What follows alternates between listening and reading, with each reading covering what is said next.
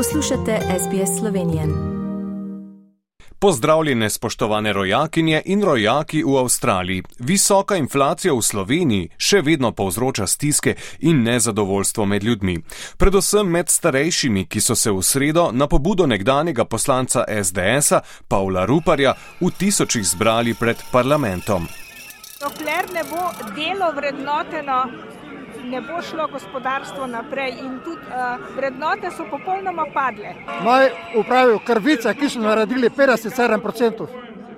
Imamo penzije, mi, ki smo šli prej penzijo. To je krvica, to je 650 evrov, imamo pokojnine. Tisto, kar smo si sami ustvarili s svojim delom, bajte pa to, eh, pa prihranili, po svojih ust trgali. Danes pa nimamo za preživetje zgor. Socialna tveganja pa na Štajerskem povzroča odločitev avstrijsko-kanadske multinacionalke Magna, da začasno zaustavi proizvodnjo lakiranja avtomobilskih karoserij v Hočah pri Mariboru. Na tej lokaciji, kjer naj bi sicer ostalo 50 zaposlenih, nameravajo urediti podporno razvojno središče za svoje druge lokacije po svetu. 108 drugim zaposlenim pa naj bi ponudili delo v Avstriji. Gospodarski minister Matjaš Han od podjetja pričakuje vračilo 18 milijonov evrov državne pomoči. Poslušajmo njegovo izjavo in izjavo delavcev iz Magne. Ključno je, da to zgodbo zapremo korektno, tako iz ene kot z druge strani ker jaz verjamem, da je to resno podjetje in bomo lahko v bodoče še sodelovali. Moram reči, da smo bili zadovoljni, ampak eh, to, kar se pa zdaj naredilo, pa mislim, da je grozano. Nekako projekt od vsega začetka bil obsojen na uh, stanje, kot ga vidimo danes.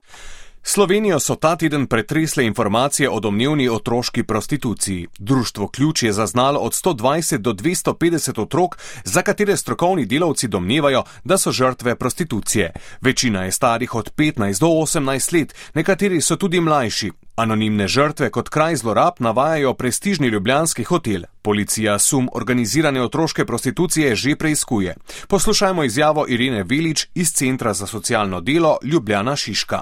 Meni recimo dekleta povejo, da so v hotelu v Domžalah, v Interkontinentalu, v Ljubljani. Ne rečem, pa kako pride 14-letnica mimo, ne vem, recepcije, jaz ne morem priti v hotel, če nisem prijavljena. Ker se po, pojavljajo v različnih izjavah, deklet, različnih deklet, iste lokacije, predvidevam, da je to nekako organizirano. V Sloveniji pa trenutno poteka tudi svetovno prvenstvo v nordijskem smučanju.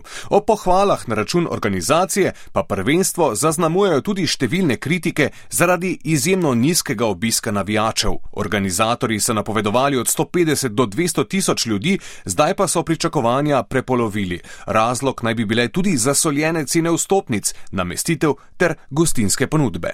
Lahko bilo boljše vzdušje, več slovenskih navijačev. Ne, ne da se primerjati, zaradi tega, ker eh, dejansko planica je v naših srcih, ko pridejo slovenski navijači, čutiš to vzdušje, tega pa tukaj žal ni. Športom končujemo tokratno javljanje iz Slovenije. Novice sem zbral Žan Dolajš. Lepo vas pozdravljam, do prihodnič. Želite slišati sorodne zgodbe? Prisluhnite jim preko Apple ali Google podcasta, preko aplikacije Spotify ali kjerkoli drugje.